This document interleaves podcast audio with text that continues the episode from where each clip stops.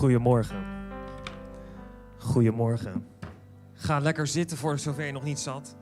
Volgens mij uh, was Jaren maar even aan het terugpakken. Vorige week had ik haar huisspreker genoemd. Dus uh, huispastor. Nou goed, uh, ik vind het allemaal prima. Hey, wat goed dat je er bent. En ook thuis als je meekijkt, wat goed dat je bent. Welkom. En ik hoop dat het goed met je gaat. Ik hoop niet dat je vannacht in de cel hebt gezeten. Omdat je je niet aan de avondklok kon houden omdat je zei van, maar ik leef in een ander koninkrijk. Ik dien een andere heer. Dus uh, politieagent, wat u mij ook vertelt. Nee, lieve mensen, hou je gewoon netjes aan de regels. Ik weet je, we balen er allemaal van. En um, weet je wat het gek is? Hè? Dit gaat eigenlijk buiten mijn preekonderwerp.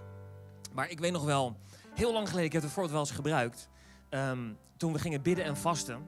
En ik werkte nog bij McDonald's. Ja, ik heb bij McDonald's gewerkt. En mijn favorite was een Big Mac. En mijn niet-favorite was een visfilet. En toen we gingen, is nog steeds zo. Uh, maar toen gingen we bidden en vasten met de kerk. En je raadt het al, ik werkte daar. En ja, ik, ik had niet. Wat, dat was mijn afspraak met mezelf, weet je, die ik had gemaakt. Van, gaan we niet doen. En ik stond daar en die visfilet, jongen, die begint gewoon bijna te praten tegen me. Zo lekker was dat ding. Ik heb hem niet gegeten natuurlijk. Maar om even aan te geven, juist omdat het niet mag, omdat je het niet doet, wordt het zo aantrekkelijk. En dat is met de avondklok ook, lieve mensen. Dus trap er niet in. Weet je, want laten we heel eerlijk zijn, zeker de gezinnen. Hoe vaak ben je nou echt s'avonds na negen uur buiten? De kindjes moeten op bed liggen.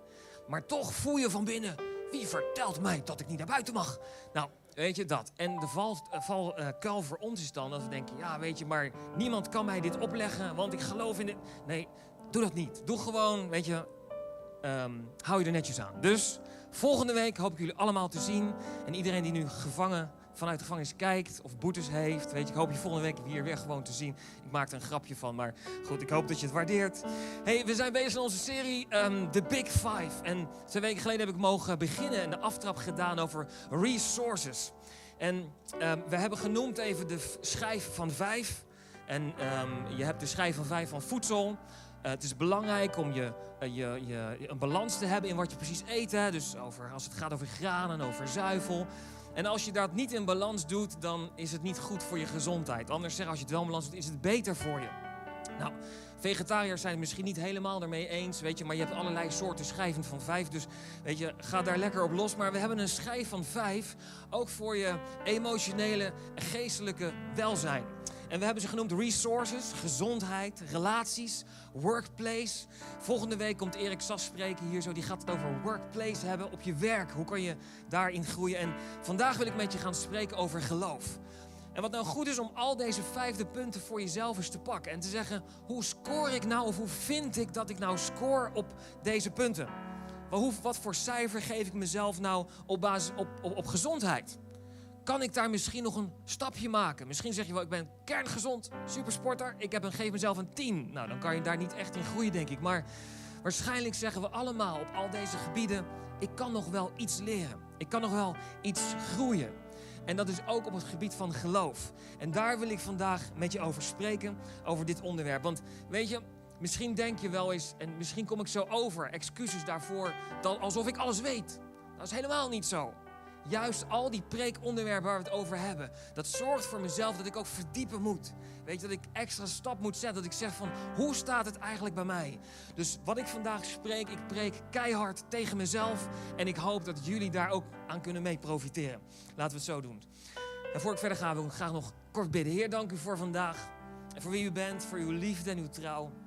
En Heer, als we vandaag uw woord openslaan en dingen delen over geloof en groeien in geloof. Elke Geest, ik bid hier dat u wilt bewegen door deze zaal, uh, ook door de stream heen. Iedereen die luistert op dit moment. Heer, dat u in ons hart aan de slag gaat. En Heer, dat de bemoedigende woorden uit uw woord hier over mogen komen. Dat we ze mogen ontvangen. En dat we voor onszelf mogen, mogen, uh, een keuze mogen maken om te groeien. Heer, om een next step te zetten. Heer, in het leven zoals u bedoeld heeft. En ook in ons geloofsleven, Heer, zoals u bedoeld heeft. Ik bid echt, Heer, dat iedereen, niemand uitgezonderd, maar iedereen bemoedigd, opgebouwd en gevuld naar huis zal gaan. In Jezus' naam. Amen, amen. Hey, um, heb je wel eens gehad dat je je partner of een vriend tegen je zei: Ja, heb je je sleutels bij je? Dat je dan zegt: Ja, ik geloof het wel. En dat je dan daarachterna, achter, uh, uiteindelijk achterkomt, nee, ik had mijn sleutels helemaal niet bij me.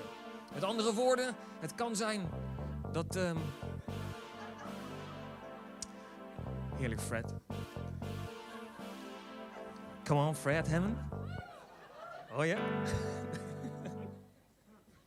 ik hou ervan. Ah, je hebt van die filmpjes hè, online, kan je vinden. Waar ook met uh, Martin Smit onder andere, met Taya, uh, weet je, van Hillsong, ging het ook helemaal mis. Fantastisch leuk om te zien. Maar het geeft een soort, soort vibe. Dus misschien, uh, nou ik begin opnieuw met, heb je dat wel eens gehad met die sleutels? Of iets anders, dat iemand tegen je zegt, heb je dat bij je? En dat je dan zegt, ja ik geloof het wel. Wat je daar eigenlijk mee bedoelt, is door zeggen, ik weet het niet zeker. En waarschijnlijk zegt je partner of je vriend of vriendin, die zegt dan... Ja, wacht even, ik geloof het wel. Uh, het is belangrijk dat je het meeneemt, want als je naar buiten gaat zonder sleutels... kom je straks niet meer naar binnen. Dus met andere woorden, zorg dat je het zeker weet. In plaats van, ah, ik geloof het wel. Maar dit, ik geloof het wel, die onzekerheid die hierin zit...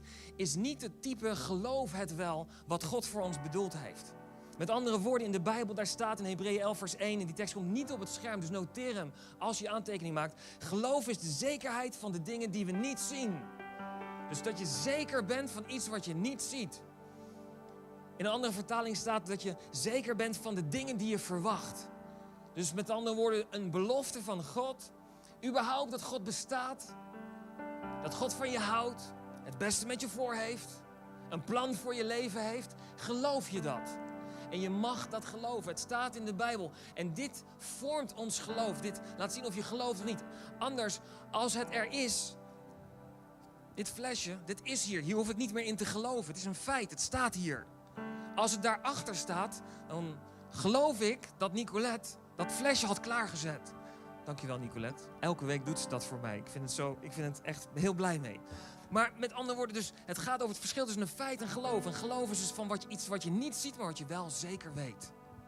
Ik wil nog een paar teksten met je uh, pakken, gewoon even uit de Bijbel over geloof. Die mij ja, raken en echt mooi zijn.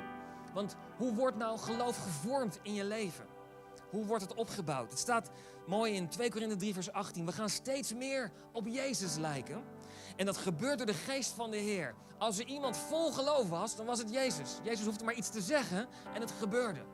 En het mooie is dat de Heilige Geest laat ons steeds meer op Jezus lijken.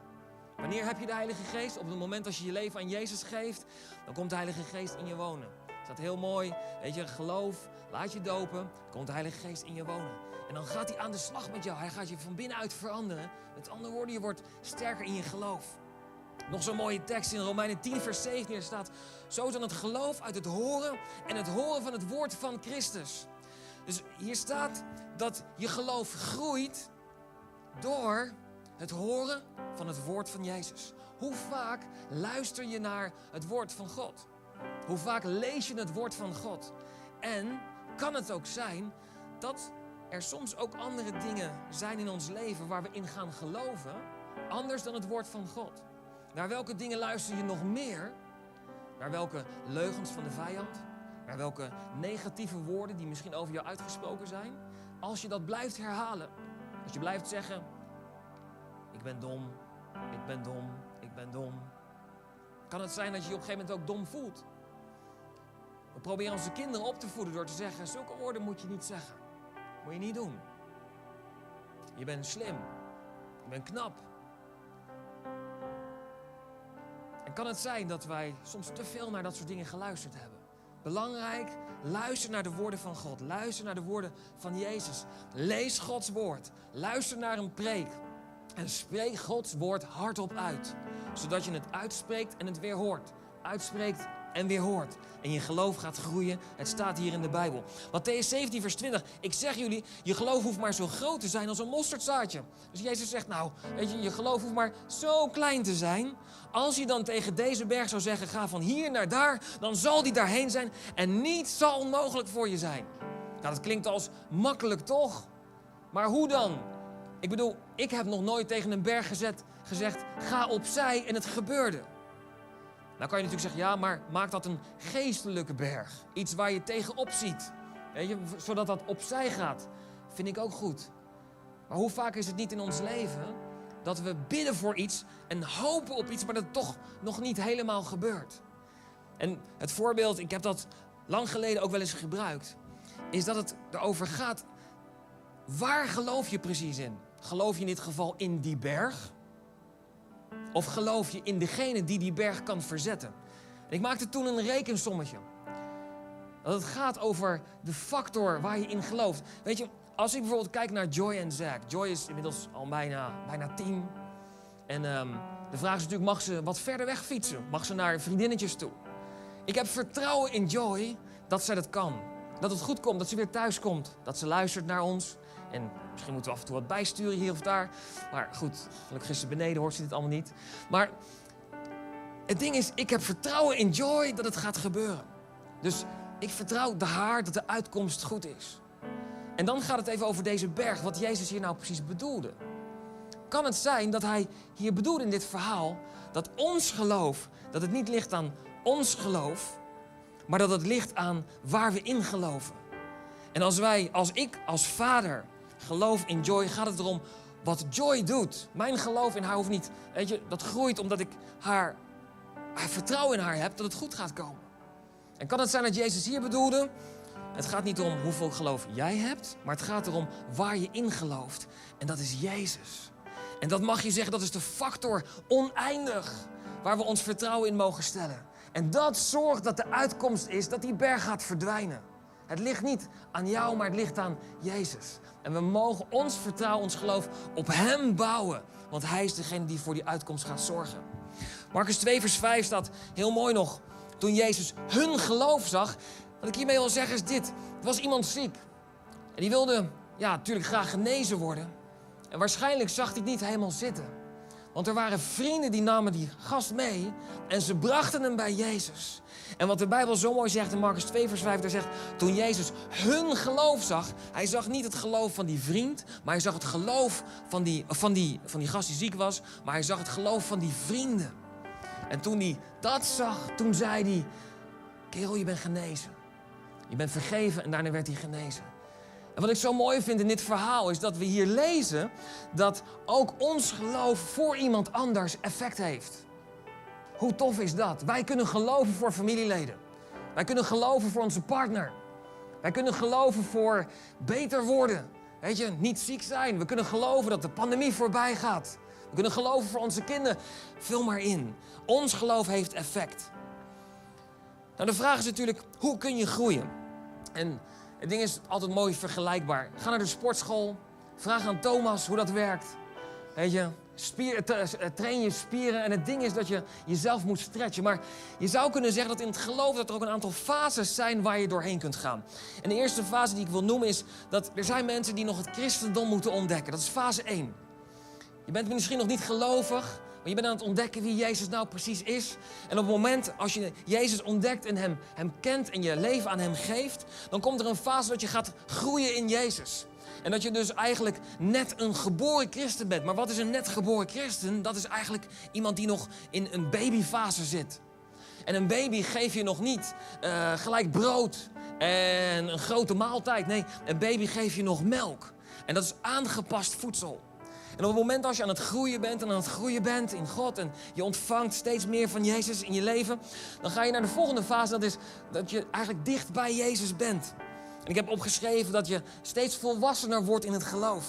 Je raakt betrokken, de Bijbel is echt je fundament. En de kans is groot dat je betrokken raakt in een kerk, dat je enthousiast bent, dat je misschien ook wel meehelpt in een kerk. En uiteindelijk van die fase ga je door naar een volgende fase en dat is Christ-centered. Je bent dan als het ware een soort vader of moeder in Jezus. En wat ik daarmee bedoel is dit, dat de Bijbel roept ons op om discipelen te maken, om voor mensen te zorgen. En ik geloof dat het voor ons allemaal is weggelegd. Je kunt allemaal groeien naar het moment dat we voor andere mensen mogen zorgen. En weet je, het gaat echt over, je bent dan gezegend om een zegen te kunnen zijn. En de vraag is nog even, hoe kom je nou van die ene stadium naar het andere stadium? Weet je, de eerste fase gaat vooral over genade. Je ontvangt heel veel genade van God. Maar op het moment als je meer volwassen wordt in het geloof, dan ga je als het ware het woord van God is heel belangrijk om steeds meer te ontdekken wat God nou bedoelt. En dan kan het zijn dat er wat steviger op je afkomt. En weet je, Paulus die zegt heel mooi in Hebreeën 5 vers 11 tot 14, dan spreekt hij tegen de, de, de gemeente daar. En dan zegt hij, hey, Jullie hadden al lang andere mensen moeten kunnen lesgeven over het geloof. Maar dat kunnen jullie nog niet. Met andere woorden, hij spoort ons aan om te groeien in je geloof.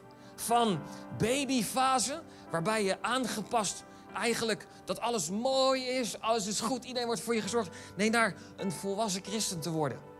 Een christen die tegen een stootje kan. Die ergens doorheen gaat, zich ergens doorheen bijt af en toe. En van daaruit door te gaan wat hij ook zegt.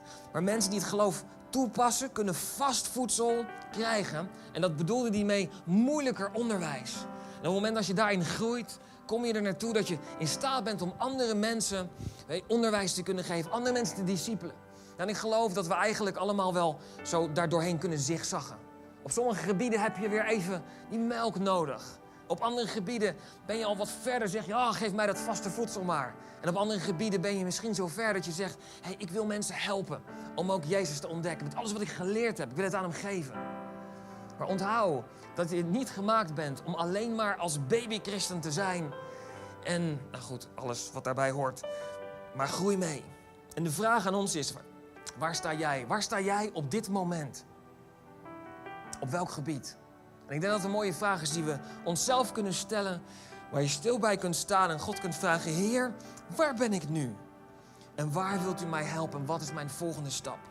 En ik wil je bemoedigen met het laatste verhaal in de Bijbel. Probeer er snel doorheen te gaan. De tijd gaat ook door. Ik denk dat ik een paar minuten extra nodig heb, jongens. Ik ben weer enthousiast, zeg weer veel te veel dingen. Maar het gaat over het verhaal van Bartimaeus. En het verhaal van Bartimaeus dat geeft zo'n mooi voorbeeld. Hoe het werkt met geloven. En welke obstakels je tegen kunt komen in je leven. En hoe Bartimaeus hiermee omgaat. En ik wil je gewoon er snel mee doorheen nemen. Het begint in Marcus 10, vers, vanaf vers 46. Ze kwamen bij Jericho, dat was Jezus met zijn discipelen. En toen Jezus met zijn leerlingen en een hele grote groep mensen weer uit de stad vertrok, zat er een blinde bedelaar langs de kant van de weg. En dat was Bartimaeus, de zoon van Timaeus. Weet je, langs de kant van de weg ik weet niet of je vaker langs de kant van de weg hebt gestaan, maar dat klinkt mij eigenlijk in de oren dat je geparkeerd bent. Of als je kijkt op de snelweg, dat je pech hebt, autopech. Met andere woorden, je bent eigenlijk op weg ergens naartoe en het gaat toch niet meer helemaal zoals het zou moeten. Je moet een break nemen. En dit soort dingen kunnen gebeuren in ons leven. Dat je eigenlijk, het ging lekker, je liep lekker, je ging ergens naartoe en dan komt er toch zo'n moment in je leven dat je even moet parkeren. Dat je reparatie nodig hebt. Dat je auto pech hebt. En wat gebeurt er dan? Bartimaeus, de zoon eh, van Timaeus, toen hoorde hij Jezus van Nazareth dat hij langskwam. En hij begon te roepen, Jezus, zoon van David, help mij alstublieft. Weet je, toen Jezus voorbij kwam, toen leefde er iets op in Bartimaeus. En ik geloof dat elke keer als je in een omgeving bent, bij mensen, in de kerk of waar dan ook, waar Jezus aanwezig is, dat er, dat er de mogelijkheid is, als je daarvoor openstelt, dat er een nieuwe hoop komt. Van hé, hey, ik proef iets. God is hier. Ik wil dit ook. En wat deed Bartimeus? Hij reageerde daarop door te zeggen: Jezus, zoon van David, help me alsjeblieft. Maar de mensen werden boos om hem heen en die zeiden dat hij zijn mond moest houden dat kunnen we ook tegenkomen in ons leven. Dat als we Jezus proberen te zoeken, Jezus proberen te vinden, dat er mensen in onze omgeving die zijn, zijn die zeggen: Doe maar niet. Doe maar even, even, even op je plaats blijven. Het kan zelfs zijn dat het door onderwijs heen komt. Dat, dat, je het, dat het via preken naar je toe komt, daar waar je wordt klein gehouden. Het kan zijn dat er vrienden om je heen zijn die je proberen klein te houden. Maar het kan ook zijn dat je jezelf klein houdt. Dat je jezelf niet waardig genoeg vindt. Dat je minder waardig over jezelf denkt. En het mooie is hoe Bartimaeus hierop ingaat. Hij trekt zich er helemaal niets van aan. Hij gaat nog harder roepen en zegt: Zoon van David, help me alsjeblieft. Durf jij dat te doen? Op een moment als je God zoekt en er zijn omstandigheden die je klein proberen te maken. Hoe vaak is het niet dat we bang zijn voor wat mensen van ons denken? Dat we bang zijn voor wat mensen van ons vinden en ons daarom wat klein houden en stil blijven en het misschien aan ons voorbij laten gaan. Die kans was er ook als hij niks had gezegd, was Jezus misschien wel voorbij gelopen. Maar dit verhaal is zo mooi. Bartimaeus roept nog harder. Zegt, zoon van David, help me alsjeblieft. En Jezus reageert erop. Hij blijft staan en hij zegt, roep hem hier. Nou ja, dan kunnen die mensen om hem heen natuurlijk niks anders doen dan te zeggen... Bartimaeus, kom. Ze riepen de blinde man, zei tegen hem, rustig maar, sta op. Hij roept je. En wat deed Bartimaeus hier? Hij gooide zijn mantel af, stond op en hij ging naar Jezus. Weet je, wat hier mooi is, is dat hij zijn... Hij was bedelaar, hij was blind. En zijn mantel en zijn staf, staat in de Bijbel, wordt dat vaak gebruikt als teken van identiteit, van wie hij bent. En Bartimaeus was zo vol geloof, dat op het moment toen Jezus hem riep en hij naar Jezus toe ging, dat hij zijn mantel afwierp, dat hij zijn staf opzij gooide en naar Jezus toe liep. Hij nam afstand van zijn oude identiteit om zijn nieuwe wonder te gaan ontvangen bij Jezus. En hoe vaak is het in ons leven niet dat wij ons oude vast patroon vasthouden, ons oude, en we mogen dat bij Jezus brengen, begrijp me niet verkeerd. Maar dat we vaak daarmee komen bij Jezus en dat we het daar weer optillen en dan weer verder gaan. Met andere woorden, dat Bartimaeus misschien weer terug langs de kant van de straat zou gaan zitten. Nee, dat is niet de bedoeling van het wonder. Je mag naar Jezus toe gaan. Laat je oude identiteit achter je. En Jezus, en wees klaar voor het wonder wat Jezus aan je wil geven. En Jezus vraagt daarna aan Bartimaeus, en dat is wel mooi. Hij zegt hier zo, um, Jezus vroeg aan hem, wat wil je dat ik voor je doe? En dat is zo'n soort vraag, zo van, ja maar heer, hoe bedoel je? Wat wil je dat ik voor je doe? Je weet toch dat Bartimaeus blind is? Je weet toch dat hij daarna dan zou willen zien? En weet je, als je daar langer over nadenkt, je zou kunnen zeggen, ook in het verlengde van zijn identiteit, Bartimaeus was gewend om langs de kant van de straat te zitten. Hij was gewend om te bedelen voor geld. Hij was gewend om op die manier te leven. En het ding is, op het moment als hij zijn wonder zou ontvangen van zicht, heeft hij geen excuus meer om langs de kant van de straat te zitten, zielig te zijn, geld te ontvangen, te bedelen en dat leven te doen. Maar er komt een verantwoordelijkheid mee om een nieuw leven te beginnen, een nieuw leven te starten. En de vraag aan ons is: zijn wij klaar voor het wonder wat God aan je wil geven? Waar jij misschien al heel lang voor aan het bidden bent, ben jij klaar om te ontvangen wat er achter die deur van dat wonder zit? Vaak bidden wij voor onszelf en zeggen we: Heer, wilt u dit aan mij geven? Wilt u mij een Ferrari geven? Ik weet niet of u dat bidt, maar, maar de vraag is: wat gebeurt op het moment als je een Ferrari krijgt? Of je het überhaupt nodig hebt? Wat voor verantwoordelijkheid komt daarmee? Als Zack en Joy aan mij vragen: Pap, mag ik een auto? Waarom zou ik het aan ze geven? Op dit moment ze mogen er niet eens mee rijden. Dat zou niet goed gaan. Dus het kan zijn dat ze daar nog niet klaar voor zijn, maar voor iets anders.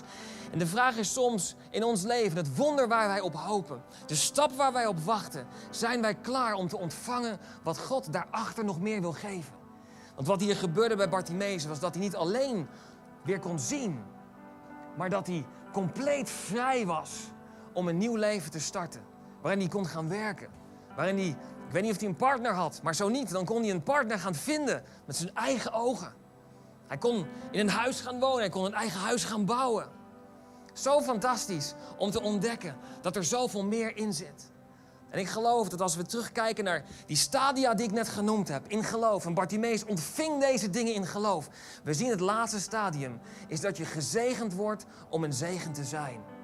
En ben jij klaar om het wonder wat God je geeft, waar je een zegen ontvangt, om te kijken hoe je dat ook kunt doorgeven en een zegen kan zijn voor andere mensen. Belangrijkste hieruit is dat jij zelf deze sleutel in handen hebt. Jij kunt zelf als Bartimeus zijn en zeggen: Heer, ik heb u nodig. Laat je niet klein praten door andere mensen, maar omring je met mensen die jou omhoog praten, die je groot praten, die in je geloven, die met je staan. Zo ontzettend belangrijk. En ik wil zo graag een, gewoon een gebed bidden, gewoon heel kort. Maar ik wil je bemoedigen dat als jij dit hoort, om voor jezelf na te gaan en te zeggen: in welke geloofsfase zit ik? Geloof ik nog niet echt in Jezus? Ben ik aan het zoeken? Wat is mijn volgende stap? Misschien dat je net tot geloof bent gekomen of je voelt je nog jong in het geloof. Wat is je volgende stap? Misschien ben je al veel verder in het geloof, maar wat is je volgende stap? En misschien zeg je wel, ik ben helemaal Christ-centered. Ik ben, ah, als dat zo is, moet je denk ik opnieuw beginnen. Maar als je dit zo, zo voelt, hè, zo, ah, weet je dat. Maar even, misschien zeg je wel, hé, hey, ik ben zo, zo ver. Ik wil heel graag een zegen voor andere mensen zijn. Ga voor jezelf na. In welk stadium zit jij? En wat is je volgende stap? En durf je aan God te vragen: Heer, help mij. Wat is mijn volgende stap? Wilt u mij zegenen? Ik geloof dat God voor iedereen een volgende stap heeft. En dat je die mag ontvangen.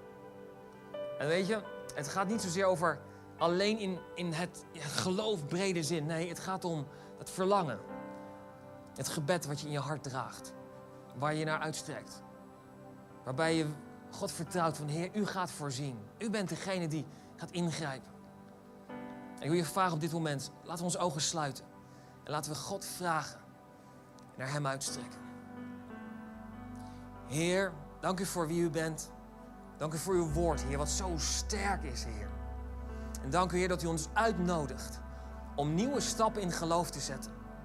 Van u nog leren kennen, opgroeien, sterker worden. Uiteindelijk ook, Heer, dat we andere mensen mogen helpen om te groeien in geloof. En voor iedereen die meeluistert op dit moment.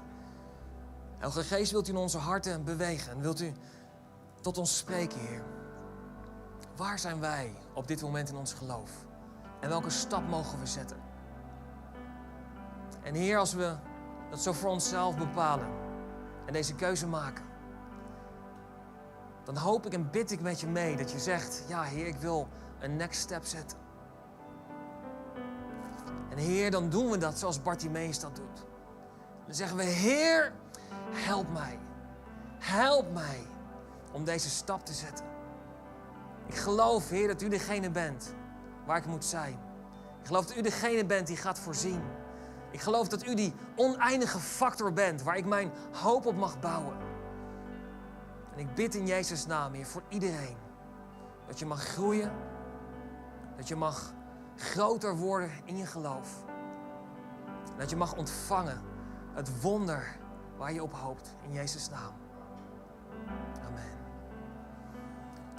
En voordat we richting een afsluiting gaan, wil ik toch nog een hele belangrijke vraag stellen. En dat is helemaal naar het begin. Want misschien ben jij hier en hoor je dit of luister je online mee. En zeg je, ja Daan, ik ben eigenlijk nog in die fase dat ik aan het ontdekken ben wie Jezus is. En misschien is jouw moment gekomen om hem aan te nemen in je leven. En de stap te gaan zetten van nog ontdekken wie Jezus is, maar te zeggen, ja, ik wil een christen zijn. Ik wil gewoon instappen en beginnen en te gaan groeien in het geloof met Jezus. Misschien is jouw moment om Hem aan te nemen vandaag. En te zeggen, ik wil U Heer maken in mijn leven. En als dat zo is, wil ik je die gelegenheid geven. En misschien zijn hier mensen die zeggen, ik heb eerder die keuze gemaakt voor Jezus, maar het voelt alsof ik weer helemaal vooraan moet beginnen. En dat is oké. Je mag altijd bij God terugkomen. De Bijbel spreekt zo mooi dat als je je omdraait naar God, dat hij met zijn armen wijd open staat om je te ontvangen en te zeggen: Welkom thuis, lieve zoon, lieve dochter. Misschien is jouw moment vandaag om die keuze te maken en die stap te zetten in het geloofsleven met God. En als dat zo is, wil ik je die gelegenheid geven. En ik wil gewoon vragen aan iedereen in de zaal: laten we onze ogen nog één keer sluiten. En ook thuis, als je hier meedoet, als je vet gelooft in God, weet je, bid dat iedereen die deze keuze moet maken, dat hij vandaag die keuze zal maken. Bid dat gebed stil in je hart. En ik wil zo heel graag een gebed hardop uitspreken. En ik wil vragen aan iedereen om die na te bidden. In het bijzonder degene die die keuze wil maken. Dus als jij dat bent, de eerste keer, de tweede, misschien al de honderdste keer dat je de keuze wil maken om Jezus aan te nemen in je leven. En Hem Heer te maken. Jouw vertrouwen op Hem te gaan zetten en niet meer op aardse dingen, niet meer op jezelf. Maar dat je je vertrouwen op God gaat bouwen. Als jij dat bent, wil ik je vragen om die keus op dit moment te maken. En het gebed dat we nu gaan uitspreken, hardop na te bidden. En ik wil aan iedereen vragen in de om het gebed hardop na te bidden. Zodat we iedereen ondersteunen die deze keuze maakt, oké? Laten we zeggen, lieve Jezus, dank u voor vandaag. Dank u voor mijn leven. Ik vraag u om vergeving voor alles wat ik verkeerd heb gedaan. Ik maak u vandaag mijn Heer en Redder. Ik geef mijn leven aan u. En gebruik mijn leven met een doel.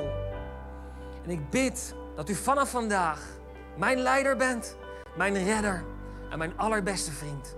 In Jezus' naam. Amen. Zullen we een applaus geven voor iedereen die deze keuze gemaakt heeft? Zo goed en ook online als je deze keuze gemaakt hebt. We zijn trots op je en we willen naast je staan. Als je deze keuze gemaakt hebt, laat het aan ons weten. Door, als je online meekijkt, onder de video op de link te klikken.